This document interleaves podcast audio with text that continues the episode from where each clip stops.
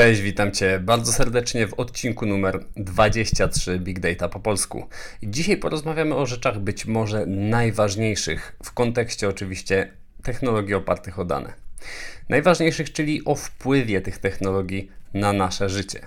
Czy będziemy w stanie, czy jesteśmy w stanie wykorzystać e, technologię jako dźwignię, czy raczej wręcz przeciwnie, jesteśmy skazani na stopniową degradację naszych zwojów mózgowych? Czy nasze dzieci będą upośledzone, czy może dokładnie odwrotnie? Będą dzięki technologiom mogły wynieść cywilizację na wyższy poziom? Czy metavers jest już kompletną klapą, czy jest dla niego jednak jakaś przyszłość? O tym i o bardzo wielu innych rzeczach rozmawiałem w tym odcinku. I mówię rozmawiałem, dlatego że to jest pierwszy odcinek w tym podcaście, w którym miałem zaszczyt porozmawiać z gościem.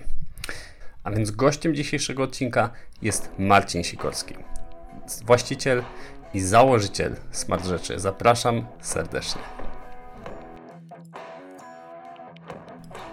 Cześć, witam Cię w podcaście Big Data po polsku.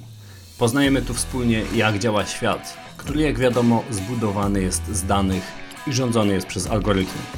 Jesteś w dobrym miejscu, jeśli interesują Cię technologie, biznes, społeczeństwo lub pogłębianie swojego potencjału i to wszystko w kontekście danych. Ja nazywam się Marek Czuma, jestem założycielem Riotech Data Factory, firmy, która pomoże Ci zrozumieć big data w wymiarze technicznym i biznesowym Nalej do kubka solidną porcję swojej ulubionej kawy. Pakuj swoje rzeczy i ruszaj ze mną w tą fascynującą przygodę.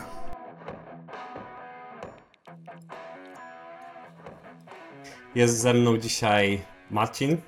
Cześć Marcin, dzięki za przyjęcie zaproszenia. Miło mi. E, Marcin, jesteś założycielem i właścicielem marki Smart Rzeczy, czyli zasadniczo zajmujesz się i edukacją, i szeroko pojętymi szkoleniami, związanymi ze sztuczną inteligencją. Nie mylę się. I nie tylko. Internetem rzeczy też. No właśnie, o to chciałem dopytać. Mm, internet rzeczy i wszystko, co jest związane ze smart. Generalnie to internet jest... rzeczy to jest fundament, a do niego doklejasz kolejne rzeczy i stąd e, sztuczna inteligencja, blockchain, 5G i wszystko, co się z tym wiąże. Okej, okay, spoko. E, słuchaj, zadam Ci pytanie, do którego najpierw dam kontekst.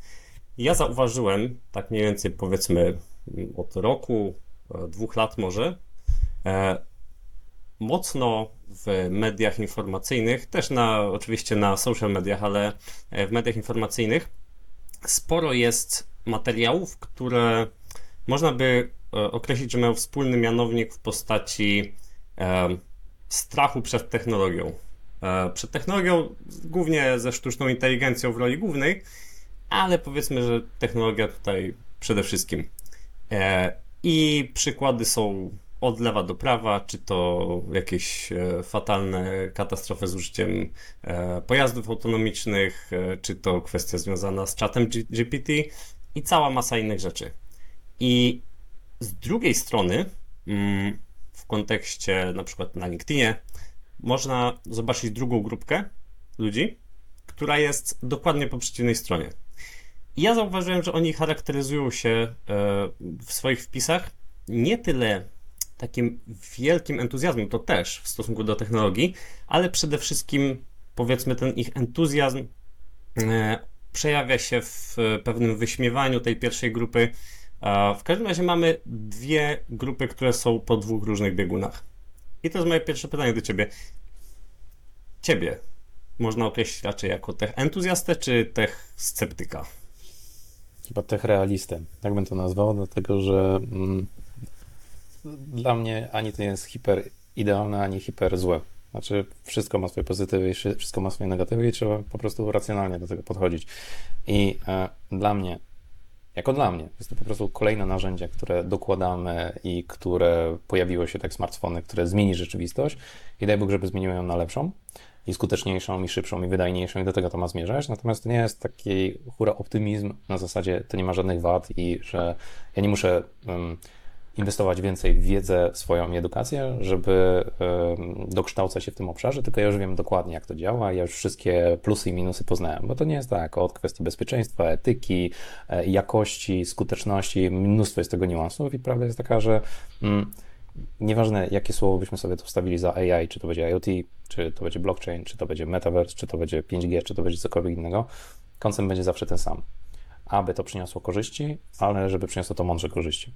Tylko tyle albo aż tyle, więc raczej nie stawiamy się ani po jednej, ani po drugiej stronie. Chcę ludziom pokazywać, że to jest fajne i seksowne i można z tego korzystać na wielu frontach, natomiast to nie jest bez pewnej dozy takiej goryczy. Pamiętajmy, co się za tym kryje i, i jaki jest koszt tego, że możesz korzystać z tej technologii. Okej, okay. a powiedziałeś tutaj o mądrym podejściu. Co to dla Ciebie jest? No przede wszystkim I jakie cyfrowa higiena. Też je, jeszcze, jeszcze jedna rzecz. Jakie widzisz największe, powiedzmy, zagrożenia albo y, szerzej ujmijmy wyzwania z tym związane? Czyli co przez to rozumiem, jakie wyzwania? E, wiesz co, mm, dla mnie najważniejsze jest to, aby rozumieć, że to wszystko opiera się o dane. Nie każda technologia opiera się o dane i tylko opiera się o mniej lub bardziej skuteczne wykorzystanie danych i coś z nimi zrobienie. I w przypadku AI jest tak, że mm, bardzo dużo potrzebujesz danych, żeby to skutecznie zadziałało i kwestia jest tego typu, jakie ty dane chcesz dać i czy ty rozumiesz, jak wiele tych danych musisz dać, żeby to skutecznie zaczęło działać.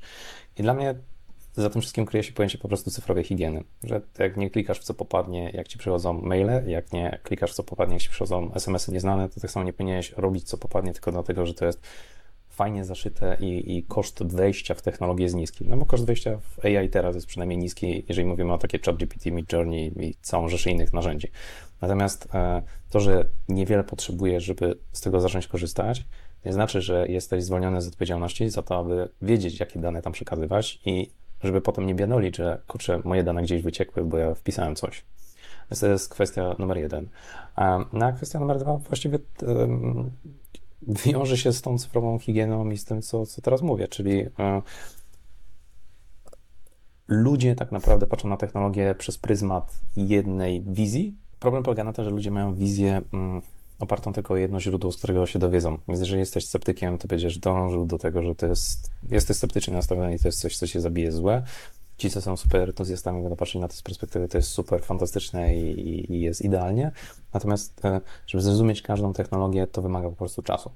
I wydaje mi się, że przez to, że żyjemy w dobie braku czasu, wszystko jest spłaszczane i, i aż nadto, i w momencie, kiedy jest aż nadto spłaszczane, to potem ludzie, e, ludziom się wydaje właściwie, że już wiedzą wszystko na dany temat i, i stawiają po prostu jakąś konkretną tezę, co zupełnie może się rozmijać z rzeczywistością. I to jest trochę krzywdzące i dla samej technologii, i dla, dla korzyści, które może ta technologia przynieść. Efekt Krugera Duninga chyba, nie? Tu nam się mhm. kłania. Jak się to, wydaje to, przynajmniej. To nie, jest tak, to, to nie jest tak, że no, wszystko jest hiper dobre albo hiper złe, natomiast ciężko jest rozmawiać o tym, jeśli nie masz dostatecznie dużo czasu i nie masz rozmówcy, który chce posłuchać różnych wizji i skonfrontować to w jakiś sposób. To prawda, ale da się w ogóle według Ciebie mieć dostateczną wiedzę, no bo jednak korzystamy z tych narzędzi non-stop. Nie, nie, da się współcześnie nie korzystać z tych narzędzi. Wszystko jest sumą tak naprawdę doświadczeń i, i sumą tego, ile my e, zobaczymy wokół siebie pozytywów czy negatywów. Bo prawda jest taka, że jak na ironię, najwięcej kwestii technologii musisz podjąć ty, bo to ty musisz się zastanowić, czy to jest dla mnie, czy nie i w jakim zakresie chcę z tego korzystać i czy chcę być w tym owczym pędzie, bo rzeczywiście to ma sens, tak jak na przykład wszyscy z metaversem robili, mimo że nikt tego nie rozumiał i widzimy, dokąd to doprowadziło, czy chcesz po prostu powiedzieć sobie, ok, chcę poznać tę technologię, żeby jej nie przygapić albo nie przespać, jak, nie wiem, było z blockchainem, bo po prostu chcesz wiedzieć, na czym to polega. Nie już kwestie finansowe, mm. tylko technologiczne. Um, no i nigdy nie będziesz miał pełnej wizji, bo tak jest prawda. Natomiast y, można, tylko znów nikomu się nie chce, samemu spróbować postawić sobie jakąś tezę i poszukać jakichś newsów, jakichś wiadomości, jakichś osób, jakichś, nie wiem, wykładów, E, wideo, materiałów, które nie będą, właśnie o to chodzi, nie będą krótkie, tylko będą długie i pokażą z, przez kilka pryzmatów na przykład daną, e, daną technologię, tak? Jakieś takie eseje, które w godzinę zaczną ci mówić, ok, to się składa z tego, z tego i z tego. I tak naprawdę ja bym to mówił tak, jeżeli masz jakąś technologię i chcesz ją lepiej poznać, weź, nie wiem, 10 książek, topowych książek na Amazonie, Allegro czy na innym stronie, Kubie, zobacz, jakie tematy się powtarzają. I jak przy dziesiątej książce już te same tematy się powtarzają, to możesz uznać, ok, to chyba jest jakiś standard, to chyba jakaś norma, to chyba jest jakaś prawidłowość, tak? Jak 10 książek będziesz miał i każdy będzie co innego opisywać, no to masz problem rzeczywiście, bo technologia jest niedojrzała, za mało czasu minęło, albo e, każdy chce swoje tutaj trzy grosze dorzucić, tak? No ale znowu to wymaga czasu. Okej, okay, ale o ile na przykład w kontekście, no nie wiem, dajmy na to e, samochodów autonomicznych. Możemy coś takiego zrobić. Mhm. I bo ja tu myślę o powiedzmy zwykłych ludziach, normalnych, nie wiem, nauczycielce, która na co dzień zajmuje się mm, kształceniem dzieci. I nie ma ochoty korzystać ze sztucznej inteligencji zawodowo, e, nie ma ochoty e, zgłębiać wszystkich technologii, które weźmie. I powiedzmy, że jeżeli ona chce się zdecydować na to, żeby kupić sobie auto e, czy jakiś inny pojazd autonomiczny, faktycznie jest taka możliwość. To jest duży zakup, to jest duża decyzja i może się poważnie rozeznać. Ale jeżeli mówimy na przykład o tym, czy zainstalować sobie TikToka, czy zainstalować sobie Facebooka, Instagrama, czy skorzystać z czatu GPT i tak dalej, nie? czy wejść w metaversum, jeżeli to będzie na jakimś, o tym jeszcze sobie zaraz porozmawiamy, sensownym poziomie, no to tego jest już tak dużo i czasem od nas wymaga otoczenie, żeby z czegoś zacząć korzystać, że pytanie, jak zrobić e, to, o czym już wspomniałeś, jak osiągnąć tą higienę e, cyfrową? Znaczy, mm, cyfrowa higiena musi polegać na tym, co ty robisz z technologią, jak i jak odszumiasz właściwie tę rzeczywistość, w której żyjesz. Jeśli chodzi o to pierwsze, no to jak już mówiłem, to tak z telefonami komórkowymi, po prostu ludzi trzeba w jakiś sposób wyedukować, typu dwustopniowe weryfikacje i autentykacja, autoryzacja. E, e, pamiętaj, nie wrzucaj danych, gdzie popadnie. E, zastanów się, czy jeśli coś jest teraz fajne, super, to nie jest czasem tak, że to jest po prostu nakładka, jakiś phishing, bo wszyscy korzystają z tego, że każdy mówi o AI i nagle, hej, wrzuć swoje dane kredytowe, a my ci, AI ci powie, ile możesz zarobić. Różne bzdurki, tak? Więc o to bardziej chodzi. Natomiast druga kwestia, no to jest ten szum, bo tak jak ty mówisz, tego zwyczajnie, że za dużo. Co robić?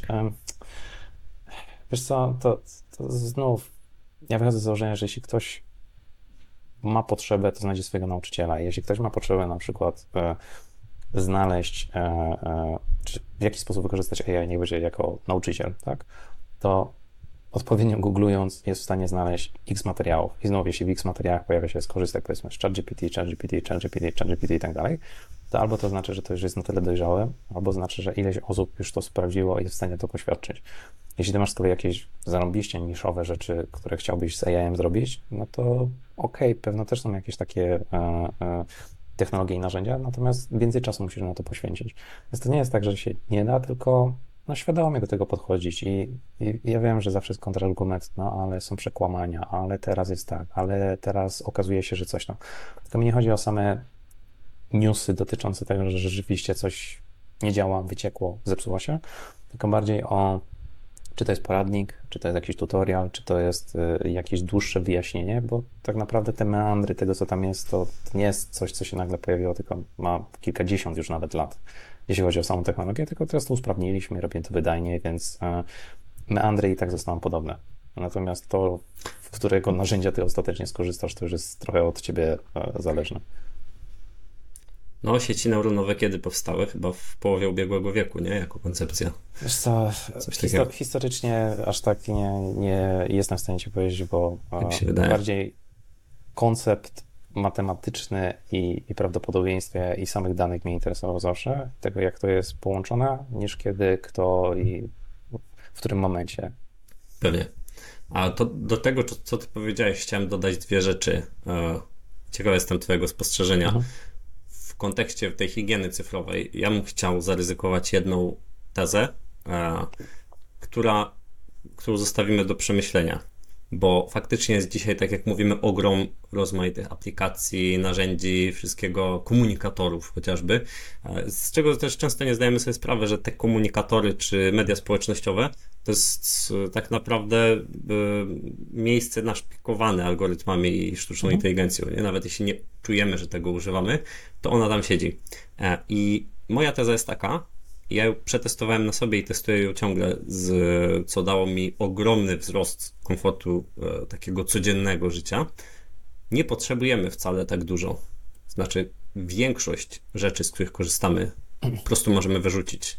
E, ja, jako też osoba przez długi czas uzależniona od mediów społecznościowych, konkretnie od Facebooka, e, byłem długo, miałem takie przekonanie, no, że chciałbym to wyrzucić, bo widzę, ile złego mi to daje, ale nie mogę, bo, bo tam się toczy życie. A w momencie, w którym uciąłem to, ja to uciąłem jakby stopniowo obcinałem i tłumaczyłem też, dlaczego obcinam. E, napisałem na swojej tablicy, że nie odczytuję na przykład Messengera. To nagle się okazało, że nic nie straciłem. Dokładnie hmm. nic. Poza tym, że co jakiś czas ktoś mi tam pisze SMS-a, ej, bo napisałem ci tam na Messengerze dwa miesiące temu i mi nie odpisałeś. E, no to trudno, a jeżeli ktoś ma bardzo poważną sprawę, to i tak nie znajdzie. Mm, to naprawdę nic nie straciłem i naprawdę prawdziwe życie nie toczy się wcale na mediach społecznościowych. Um, więc to jest taka podstawowa rzecz. W większości aplikacji nie potrzebujemy i podejście odwrotne do współczesnego, czyli raczej umiejętne dobieranie pojedynczych aplikacji i narzędzi do tego, co ja potrzebuję i co ja naprawdę chcę, jest moim zdaniem znacznie, znacznie lepszym podejściem, tylko też wymaga autorefleksji, nie? czego ja naprawdę chcę w życiu. Ale tu już sięgamy do naprawdę głębokich tematów. Um, dobra, e, słuchaj, wspomniałeś o jednej rzeczy. Mm, Metaverse. Rzuciłeś taki temat i chciałem mhm. go zgłębić, bo to jest e, chyba jedna z najbardziej kontrowersyjnych, e, jeden z najbardziej kontrowersyjnych tematów mm, powiedzmy ostatniego roku chyba, nie? Technologicznych oczywiście. Od razu zaznaczmy, jakby ja powiem, czym dla mnie jest metaverse, bo to jest też dość płynna definicja, to znaczy metaverse ciągle y, szuka swojej definicji. Ale dla mnie to jest świat, w którym jest, y, my możemy się zanurzyć dużo bardziej niż w jakimkolwiek innym świecie dotychczas nam znanym. Czyli jeżeli chcemy mieć media społecznościowe, to tam się zanurzamy, ale to jest zanurzenie na zasadzie telefon. Mam telefon, jak go wyłączę, to nie mam. E, jak przerzucę gdzieś e, wzrok w inną stronę, to jestem już poza tym światem teoretycznie. A Metaverse ma nas zanurzyć dużo, dużo mocniej. I e, ma sprawić, że my de facto przesiądziemy się z takiego rzeczywistego świata w, w świat awatarów. To jest pojęcie najbardziej znane w związku z Facebookiem i z Markiem Zuckerbergiem, ale rozwijane też przez Microsoft, Nvidia a coś pomyliłem? Coś yy, pominąłem? No, każdy w swego w pewnym momencie zaczął coś tam przy tym grzebać, tak? Ale oni chyba najwięcej kasy w to włożyli. Tak mi się no, wydaje, że to są te firmy yy, Meta, yy, Nvidia, Microsoft, to tacy hmm. wiodący. Chciałem Cię spytać o Twoje subiektywne odczucia dotyczące um, Metaverse. Ale zanim zaczniemy, bo przejdziemy zaraz do takich powiedzmy bardziej obiektywnych rzeczy do tego, czy to jest warte, czy nie warte, czy to się uda, czy nie uda. Jak słyszysz metaverse, to jakie są twoje odczucia, jakie są twoje emocje, co ty myślisz o tym? Mm, ja jestem. Zacznijmy trochę od dziwnej e, strony, ale ja jestem nerdem, który wiele lat spędził na grach i tu się nic nie zmieniło i kocham te światy. Dla mnie e, idea metaversu jest trochę podobna do e, świata gier, że po prostu przenosisz się gdzieś, jest taki poziom imersji, że nie chcesz wychodzić z tego świata. No i wszystko fajnie by było, gdybyśmy szli w tę stronę gdybyśmy chcieli rozwijać metavers na zasadzie, dobra, mamy szybki internet, Mamy AI, które może podrzucać to, co jest istotne. Mamy algorytmy, które świetnie generują grafikę. Mamy okulary VR-owe, AR-owe. Mamy na przykład internet rzeczy, dzięki któremu będziesz mógł czuć, co tam się dzieje i, powinieneś mieć jeszcze większą imersję. Zbudujemy z tego coś fajnego, taki świat cyfrowy.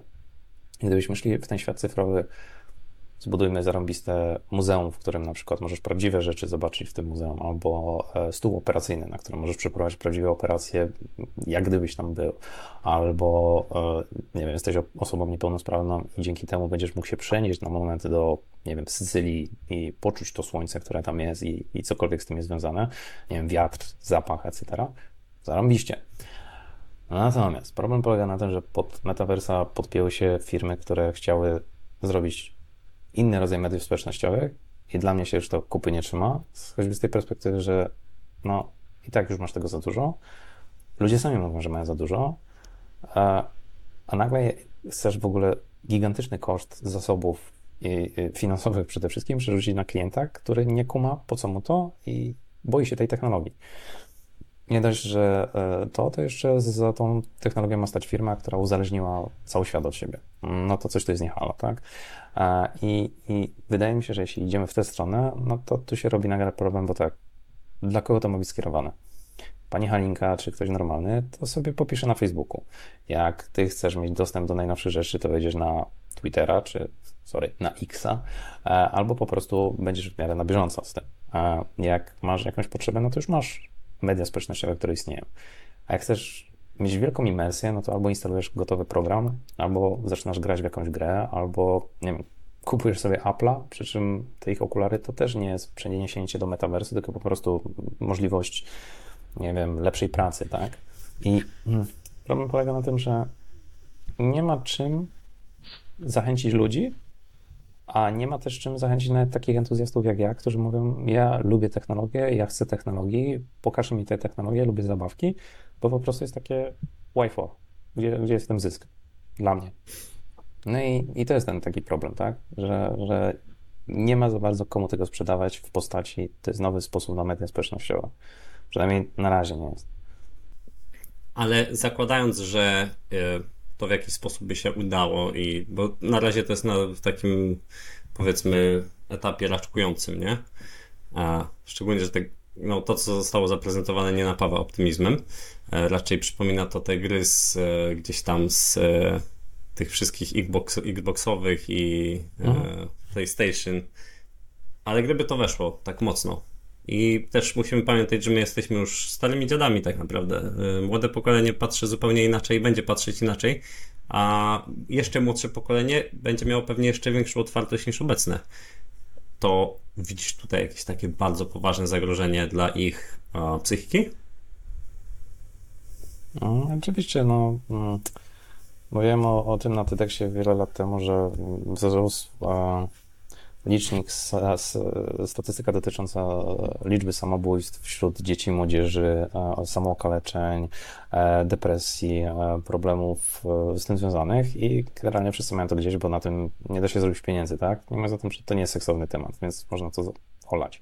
Natomiast case jest taki, że niestety, ale mm, same media społecznościowe w tej postaci, jaką teraz mamy, już wiemy, że spełniają tę samą funkcję, czy tę samą formę mają, co każdy inny środek uzależniające i nie mówię tu tylko nie wiem, alkoholu, narkotykach, pornografii, ale również grach, czekoladzie i morzu innych rzeczy. No i przez to, że za mediami społecznościowymi stoją kumaci ludzi, którzy umieją wykorzystywać AI, to to AI fenomenalnie Ciebie wykorzystuje, a i choćby nieskończący się scroll, scroll, czy jak to też się nazywa, scroll of doom, gdzie po prostu scrollujesz w nieskończoność, e, różnego rodzaju mm, nie wiem, e, materiały, które Ci podrzucają i z których tak naprawdę nic nie wynika, tylko wynika to, że ty na te materiały zareagujesz. Więc e, jeśli już na tym etapie wiemy, że mamy problem, no to teraz powiedzmy sobie, ok, dołóżmy na to, e, załóżmy, że jesteśmy te 30, 50 nawet lat na przykład, jak ty powiedziałeś, zarąbistą grafikę, e, hiperwydajny świat e, cyfrowy, z którego możesz skorzystać, mogę być kim chcę, no i nagle jest taki świat fizyczny jest gówniany, bo muszę pracować, muszę się męczyć, jestem brzydki, jestem mało, nie wiem, atrakcyjny na rynku, trzeba się starać, fuck it, to przeniosę się do tego świata. No i łatwo wykalkulować sobie, co z tego może wyniknąć, tak? Więc nie trzeba być geniuszem, żeby widzieć, że w tym będzie gigantyczny problem kiedyś. Okej. Okay. Z mojego punktu widzenia to jest trochę pocieszające, co ty powiedziałeś, bo mm, ja osobiście też nie widzę wielkiej wartości w tym, ale jak powiedziałem, ja już jestem dinozaurem, więc e, mogę nie widzieć. Mm, natomiast e, jak sobie spojrzałem w dane, zresztą z Twojego podcastu Ty mnie w ogóle mhm. zainspirowałeś, żeby spojrzeć w te dane. Nie wiem, czy to są te dane, które tam wymieniałeś, natomiast ja doszedłem do tego, że w tym momencie to jest już ponad 107, grubo ponad 170 miliardów wydanych inwestycji a, natomiast szacunki są takie, że do 2030 to ma być nawet y, kilka do parunastu bilionów dolarów wydane na świat metaverse. Mhm. I pytanie, czy my czegoś nie widzimy, czy to oni czegoś nie widzą? Co? Hmm. Ja myślę, że ja myślę, że na to nakłada się kilka czynników. Przede wszystkim, jak jesteś firmą, która od samego początku była w jakiś sposób odrealniona, dlatego że stworzyła coś, co było w tamtym momencie nową. I okej, okay, że był MySpace, ale, ale zrobili to jeszcze lepiej, szybciej, no to sprawili, że ludzie zakochali się w tym. I, i trochę można było wyjść z takiego założenia, że okej, okay, skoro wiemy, co chcą ludzie, to każde kolejne narzędzie, które jeszcze bardziej ich uzależni, będzie tym, co, e, co zainwestujemy i ludzie pójdą za nami w dym, skoro jest nas już, nie wiem, tam ileś miliardów ludzi na świecie korzysta z Facebooka. Problem polega na tym, że e, no, o ile właśnie powiedzmy te wszystkie klocki sobie oni poskładali, to, to nie zauważyli, że korzystanie z telefonu komórkowego czy mediów społecznościowych na komputerze to jest coś na tyle banalnego, że pół analfabeta jest w stanie to zrobić. Tak? A powiedzenie nagle, ok, musisz mieć okulary, e, musisz je podpiąć w taki sposób, musisz coś tam zainstalować, będziesz cały czas podpięty i wiesz, może innych rzeczy wraz z technologią, która dla ludzi jest abstrakcyjna, droga przede wszystkim, no wiesz, że się Facebooka odpowiedzi na kartoflu, a, a, takie okulary, no to już parę kafli kosztują, nie mówiąc o jakichś tam e, joystickach czy innych rzeczach, no to już mamy tutaj problem. E, I ja wiem, że oni wchodzą z założenia, kiedyś to stanie, tylko pytanie, czy zanim dojdzie do tego, to się im będzie opłacać. Dwa, jak już utopiłeś x miliardów, to ciężko jest się wycofać z tego, żeby powiedzieć, hej, myliliśmy się, jednak ta cała troszkę gówno była warta. Natomiast trzeci case, co też jest ciekawe, zauważ, że nagle nikt już nie mówi o metaversie, tylko wszyscy mówią, a AI mamy fajne. Nagle Facebook przenosi i mówi, oni chyba tą lamę mają, tak? AI swoją, która mówią, a my mamy tutaj swój odpowiednik chat GPT, tu otwarty, e, ciekawy algorytm, e, poczytajcie, posłuchajcie, jest fajnie i zapomnijcie na chwilę o tym metaversie. Więc jest tak, że i jeśli po drodze inwestując w te technologie, e, wymyślą coś innego, super. E, natomiast mam, odbieram przynajmniej takie wrażenie, że ktoś tam u góry stwierdził, dobra, już tak daleko to zaszło, że, że ciężko byłoby powiedzieć, wiecie co, jednak przez ostatnie trzy lata zmiana nazwy firmy, e, nie wiem, wszystko co robiliśmy, to jednak nie było tego warte. No ale kto jak nie oni, tak? Ty czy ja nie wydamy takich miliardów, więc fajnie, żeby ktoś się wyłożył i powiedział, a okej, okay. nas było na to stać. Nie pykło, sorry. Nie pykło. Inna, inna sprawa, e. czy inna kwestia jest taka, że Google magazynią takich projektów, które nie pykły, tak? I, i to prawda. ludzie o tym Ale czy nasz z takimi budżetami one były? Wydaje mi się, że chyba nie. Wiesz co, właśnie tam to jest tak, że oni poszli w tak wiele różnych technologicznych rozwiązań, że żaden nie miał aż takiego budżetu, a to chyba było all in one, że wszystko wrzucono w jeden i, i to jest może powód, dla którego jest tak no. problematycznie. No, nawet jeszcze jak. E, no, widać, że oni bardzo mocno w to uwierzyli, bo nawet jeżeli nazwa firmy została zmieniona pod to, no to znaczy, że to nie był jakiś taki no, RD, przetestujemy, zobaczymy, co wyjdzie, tylko no oni chyba musieli bardzo mocno w to wierzyć. Nazwa, omówmy się, za nazwą meta, bo tam było jakieś, słowo meta chyba jeszcze ze starogreki tam pochodzi, więc to to jest słowo, które jest z nami od dawna, ale bardziej chodziło o to, że możesz pod to podpiąć metafizyczny, możesz podpiąć, że tam będzie metadane, możesz podpiąć, że to będzie nowe doznania idące z technologią właśnie blockchain, metaverse, sztucznej inteligencji i tak dalej. E, więc, więc zakładam, że mm, nazwa sama w sobie może być uniwersalna, przynajmniej więcej będzie ci mówiła niż nazwa X. I, i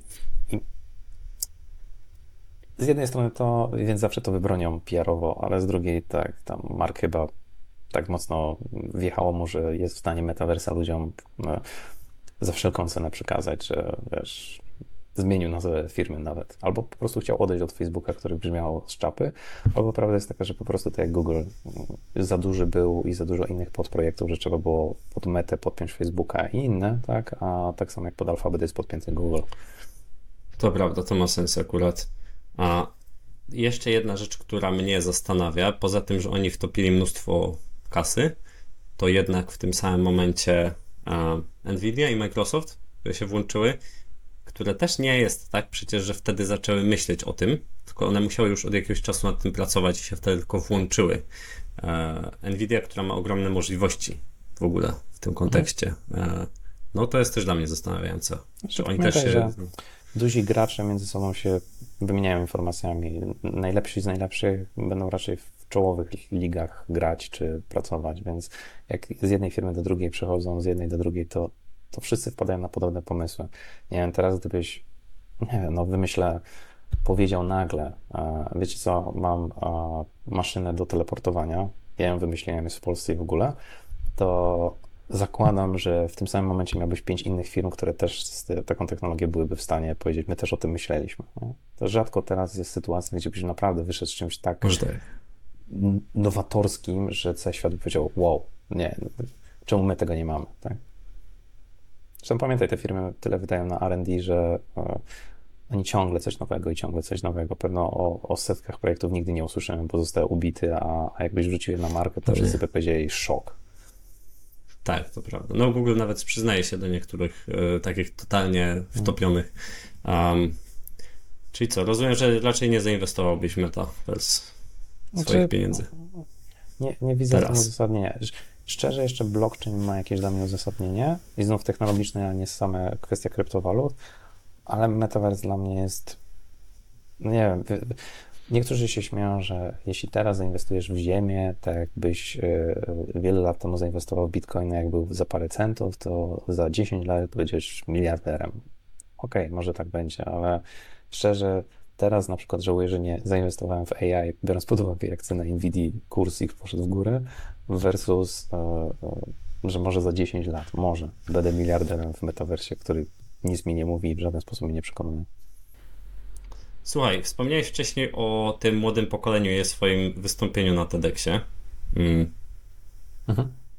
Jak widzisz przyszłość młodego pokolenia? Czy to raczej w Twoim zdaniem to będzie pokolenie, które wykorzysta tu dźwignię technologiczną, bo rozumie dużo lepiej niż ktokolwiek e, świat technologii? Czy raczej będzie zagubione, bo jest tak wciągnięte od maleńkości, że będzie duży, duży problem? No, wiesz co, myślę, że prawda jest jak zawsze po środku i e, z jednej strony to pokolenie i następne, ono już urodziło się z tymi rozwiązaniami technologicznymi, tylko mm, z jednej strony oni szybciej niż ja czy ty wykorzystają je, bo szybciej się adaptowali, szybciej umieją z nich skorzystać, więc będą zawsze mieli tę przewagę. Natomiast e, z jednej strony pamiętałbym o tym, że nawet małpę możesz nauczyć korzystać z telefonu, ale to nie znaczy, że małpa jest inteligentna, tylko to znaczy, że mamy zarąbiste UI, które przepracowaliśmy. I z wieloma rzeczami technologicznymi jest tak właśnie teraz, że one są mm, zarąbiste nie dlatego, że ludzie z nich korzystający są mega inteligentni, tylko dlatego, że poziom i koszt wejścia jest absurdalnie niski ze wszystkim, łącznie z, z AI-em, które 20 lat temu było futurystyczną pieśnią przyszłości, a teraz nagle wszyscy mówią AI, AI, pani Grażynka umie z tego skorzystać, tak? Więc to jest case numer jeden. Case numer dwa, to, że jest koszt wejścia niski, e, nie oznacza oczywiście też, że to pokolenie e, musi automatycznie pójść tylko w stronę popierdółek, tak? I zakopie się na TikToku i tylko tam będzie żyło. I to jest trochę naszą rolą, żeby ich od tego odciągnąć, albo im powiedzieć, hej, to jest shit, za którym stoi algorytm i no sorry, ale to jest twoją rolą jako rodzica, żeby powiedzieć mu, słuchaj, jako siedmiolatek nie potrzebujesz telefonu komórkowego i nie potrzebujesz tego podziewia, a jeśli już potrzebujesz telefonu, to my ci kupimy zwykły telefon, żebyś do nas dzwonił, a nie żebyś siedział na tym i y, całymi dniami się, y, wiesz, y, ogłupiał i tylko to oglądał. I to jest twoją rolą jako rodzica, żeby tego dopilnować. Natomiast jeśli uda się ten etap przejść, to rzeczywiście znam wiele młodych osób, które kumają i mówią, hej, po co mam na przykład uczyć się czegoś, skoro w ten czas mogę przeznaczyć na, na nie wiem, własny projekt jakiś, albo mogę poświęcić na coś innego i pracuj mądrzej i wydajniej, a nie po prostu ciężej. Ja nie są w stanie to zrobić. Więc kudos, bo, bo temu to ma służyć, tak? Po to ma być ta technologia. Tylko, wiesz, to zawsze wejdziemy w sferę mm, psychologiczną, socjologiczną, za którą ja nie biorę odpowiedzialności, bo się zwyczajnie na tym nie znam i nie mam powodów ani prawa, żeby się wypowiadać. Ja tego widzę potencjalne problemy związane z samą technologią, czyli bezpieczeństwo, etyka, uzależnienie i co się z tym wiąże. Natomiast gro tego wszystkiego będzie spoczywać na rodzicach. I teraz jeśli mm, oni nie będą odpowiednio odchowani do tego, to swoim dzieciakom nie przekażą odpowiednich wzorców, no i to będzie toczyło się dalej. Tylko jak mają to robić, jak, nie wiem, znów wiem, że to mocno uproszczenie, ale powiedzmy, że smartfony weszły w 2008, niech będzie nawet w 2010 od iPhone'a, no i masz nagle, no ile, 15 lat na rynku, no to w 15 lat nie nauczysz się wzorców, a nagle się okazuje, że telefony komórkowe zarobiście źle wpływają na spanie, na koncentrację, na, na rzeczy z tym związane. E, więc jak masz przy technologii, która zmienia się już teraz praktycznie z roku na rok, nauczyć się dobrych wzorców, żeby w jakiś sposób uchronić swoje dzieciaki. To jest zarąbiście trudne. A jeśli naprawdę wszedłbyś głęboko w to, jak technologia działa jak wiele różnych phishingów można zrobić, Podam jeden przykład. Mieliśmy case, gdzie e, wiemy o tym, że można wykorzystać próbkę głosu po to, aby wygenerować no, głos czyjś, tak? I możesz podłożyć sobie tekst i brzmieć jak dana osoba. No i wyobraź sobie, że dzwoni do ciebie o, nie wiem, 10 telefon i nagle słyszysz w nim swoją córkę i brzmi jak twoja córka i tak dalej i ona mówi, tato, tato, nie wiem, zepsuł mi się powiedzmy samochód, potrzebuję pieniędzy, czy wyślesz mi blikiem dwie stówy, bo coś tam. No okej, okay, jak jest późno albo bardzo rano jesteś, wiesz, zaspany, zobaczysz, okej, okay, telefon się, powiedzmy, numer telefonu się zgadza albo brzmi to sensownie, no to wyślesz te pieniądze zwyczajnie, tak? I znów koncepcyjnie to się nic nie zmieniło, ale technologia może spowodować, że możesz oszukać kogoś. No ale musiałbyś być paranoikiem w dzisiejszych czasach i, i, i nie dałoby ci się żyć, gdybyś miał wszystkie najbardziej abstrakcyjne sytuacje przewidywać. Stąd też to, o czym ja mówiłem o tej cyfrowej higienie, stąd to, co mówiłem o tym, że to trochę twoja odpowiedzialność jako rodzica, no i to się wszystko kółko zamyka. Tak. Y, to jest chyba jeden z większych w ogóle ciężarów rodziców współcześnie. Mhm. Jak uchronić przed zagrożeniami, które nie do końca wiemy, jak działają.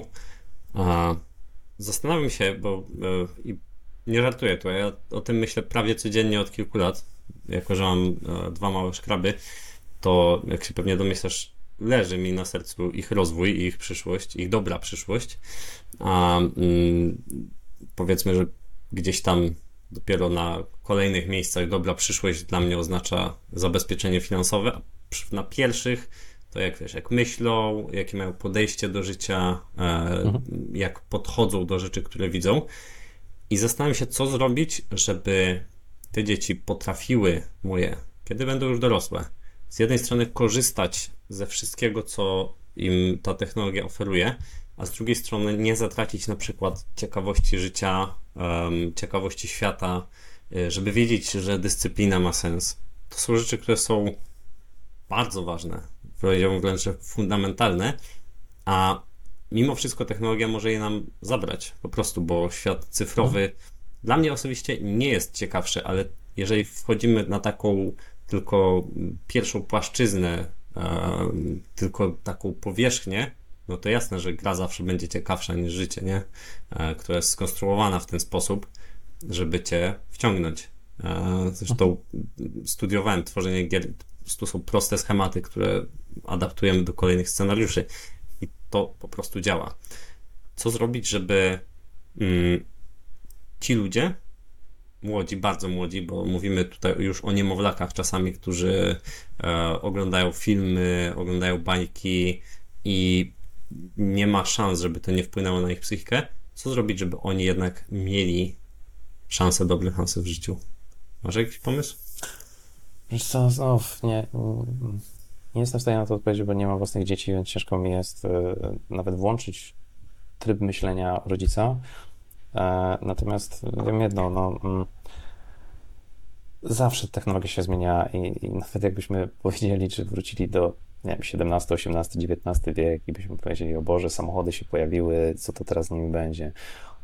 O Boże, teraz, nie wiem, metalowe zbroje są, co z nimi będzie? Więc wiesz, technologia zawsze będzie przychodzić i, i to nie będzie, tego nie zatrzymamy. Natomiast te, te fundamenty i to, co się za nim kryje, czyli zobacz, pobawienie się w ziemi daje satysfakcję, nie wiem, pobawienie się z rówieśnikami daje satysfakcję.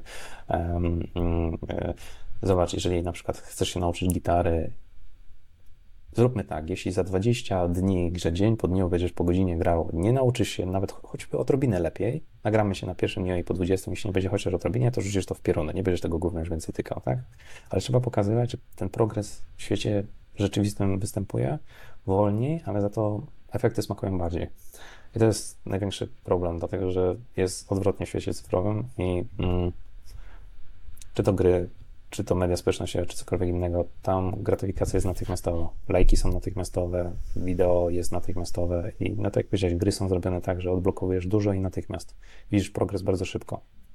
I, i to mi się wydaje, że spędzając 100 godzin w grze odkryłeś bardzo wiele, jest wręcz przeciwnie, bo przewaliłeś ten czas. Natomiast dzieciak nie ma tego myślenia i chyba znów to jest naszą rolą, żeby wyjaśniać im, jak funkcjonuje świat. I dzieciak tego nie zrozumie, bo dla niego, nie czarujmy się, jesteś stary, brzydki, głupi, koledzy wiedzą lepiej, gry są ciekawsze i ładniejsze, na mediach społecznościowych wszyscy są piękni, szybcy i wspaniali, więc coś tu nie gra. I to jest chyba taka walka z wiatrakami trochę, którą trzeba się podjąć, bo no nie da się inaczej, tak? Kto wie, co potem wymyślą jeszcze specjaliści z, z, ze świata technologii, co jeszcze bardziej będzie uzależnie.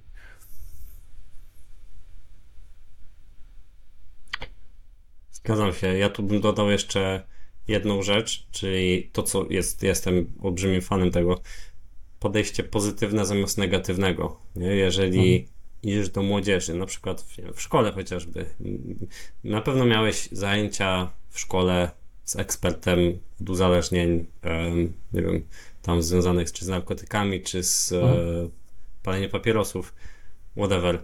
E, ja nie neguję, że to że są potrzebne rzeczy, ale czy to w kimkolwiek w, swojej, w twojej klasie cokolwiek zmieniło? Jest taki, wiesz, y, a teraz jeżeli pójdziesz i zrobisz to samo, czyli wejdziesz, zaczniesz straszyć, nie wiem, mediami społecznościowymi, to jest jeszcze gorzej, bo dzieciaki znają dużo lepiej te wszystkie rzeczy niż no. Y, statystyczny ekspert, który przyjdzie. Znaczy, statystyczny ekspert zna to dużo głębiej, ale one znają to na dużo bardziej naturalnym poziomie. I dlatego moim zdaniem dużo lepsze jest podejście pozytywne, czyli po pierwsze pokazanie tego, jaka jest solidna alternatywa, bo moim zdaniem alternatywa w postaci rzeczywistego świata, który zawiera w sobie internet, technologię i to wszystko, ale jako hmm. narzędzia jest dużo ciekawszy, tylko trzeba umieć to pokazać. Mm, I dopiero wtedy można zacząć powoli przemycać różne problemy, zagrożenia, nie? Ale wyjść od pozytywnej strony alternatywy. To jest jedna rzecz. Druga rzecz, nawet przedstawić konkretne pozytywne podejście, konkretne pozytywne, pozytywną stronę danej technologii, nie wiem, mediów społecznościowych, pisania na mediach społecznościowych, zachęcenia. Patrzcie, tak się formuje post na LinkedInie, tak? Y, y, przeanalizujmy 10 najbardziej mm, zasięgowych postów na LinkedInie, mhm w ostatnich dwóch miesiącach, nie? One są skonstruowane tak, tak i tak. Jeżeli chcecie dotrzeć do wielu osób, zróbcie, spróbujcie, zachęcam Was do tego. Gwarantuję, że e, to, jaki będzie odbiór, będzie dużo bardziej e, skuteczne, nie? Mhm. A jednocześnie, jeżeli pokażemy, że z jakichś powodów tak skonstruowane posty są zasięgowe, no to e, dużo łatwiej też będzie przekonać, ok, to teraz już znacie mechanizm, nie nabierajcie się na niego, nie? Uważajcie, bo ten mechanizm jednocześnie no. powoduje, że wy tam siedzicie godzinami i tracicie coś mega fajnego, nie? To jest moje podejście. Ja uważam, że to jest e, jedne chyba skuteczne podejście. Ale nie wiem, co ty sądzisz. No tak, pokazanie, że alternatywa jest lepsza. Tylko i wyłącznie, bo straszenie mi się nie da. Zresztą zawsze jak ktoś ci coś zakazał, to chciałeś to zrobić, zwłaszcza jako, jako Polak, to już w ogóle masz we krwi. Kto mi tam będzie mówić, że ja czegoś nie mogę, nie? Ja mimo wszystko jestem optymistą. Mm, sądzę, że w wielu miejscach w sieci, nie wiem, na nauka to lubię miało być jakiś czas temu coś takiego, co się nazywa Akademia Cyfrowego Rodzica. To się chyba rodzi w bólach, ale trzymam bardzo mocno kciuki. E, natomiast uważam, że e, mogą się pojawiać miejsca i powinniśmy rozmawiać o tym, e, jak to wszystko wykorzystać, jak to wszystko ogarnąć i przede wszystkim, że nie wszystko jest nam potrzebne i że to życie bez e, smartfona, życie bez e, mediów społecznościowych jest naprawdę, naprawdę fajne. Marcin, dzięki wielkie za rozmowę. Powiedz jeszcze na koniec, gdzie nasi słuchacze mogą Cię znaleźć i może co mogą od Ciebie kupić. Nie najlepiej na, na... Absolutnie wszystko. E, e, najłatwiej mnie znaleźć na... sprzedaje marchewki na rogu. Dobre, smart marchewki. Natomiast smart, e, najłatwiej. Smarthewki. Smart. Najłatwiej będzie chyba znaleźć mnie na LinkedInie, po prostu wpisując Marcin Sikorski IoT i tam się pojawię. E, ewentualnie hashtag albo po prostu smart rzeczy pisane razem pojawi się i na Instagramie, na, na Twitterze, na wszystkich mediach społecznościowych też. No i na stronę smartrzeczy.pl łamane przez AI, tam można zobaczyć przede wszystkim, czym się zajmuję i jeśli kogoś na przykład interesuje e, a i choćby Mid Journey, ChatGPT, to też e, udostępniam swoje kursy, w ramach których pokazuję, jak to działa, co jest dobre, co jest złe, ale przede wszystkim jak tego mądrze korzystać. Natomiast jeśli ktoś ma po prostu ochotę, żeby nie wiem, pojawił się i e, omówił, w jaki sposób to działa, no to czy to, to są wystąpienia, czy to są e, po prostu szkolenia zamknięte czy otwarte, no to można się ze mną kontaktować i jest i doświadczenie, są i materiały, potrzebni są tylko ludzie z otwartym umysłem, żeby po prostu e, dowiedzieć się czegoś na temat technologii, żeby się jej nie bać, ale jednocześnie, żeby wiedzieć, po co ma mi ona być, służyć i jaka korzyść z tego płynie. Nie zapominajmy jeszcze o dwóch rzeczach, czyli podcast Smart Rzeczy i Tak jest? newsletter. Newsletter. Jestem na newsletterze, jest w porządku, zapraszam, zachęcam. Macie moje potwierdzenie. Dzisiaj, że jest porządku. ktoś, ktoś chce newslettera, E, słuchaj, Marcin, smartrzeczy.pl łamane przez newsy. Dokładnie. Co, ile, co tydzień dostajemy? No teraz co Dużo- dużo treści. Przez, przez e, Co e, spra sprawy innego, e, innej wagi, natomiast e, staram się co tydzień. Y, jakościowe na pewno. E, dzięki wielkie Marcin. Bardzo mi było miło. E, powodzenia i e, mam nadzieję, że to nie ostatni raz w tym podcaście. Ja również. Trzymaj się. Cześć.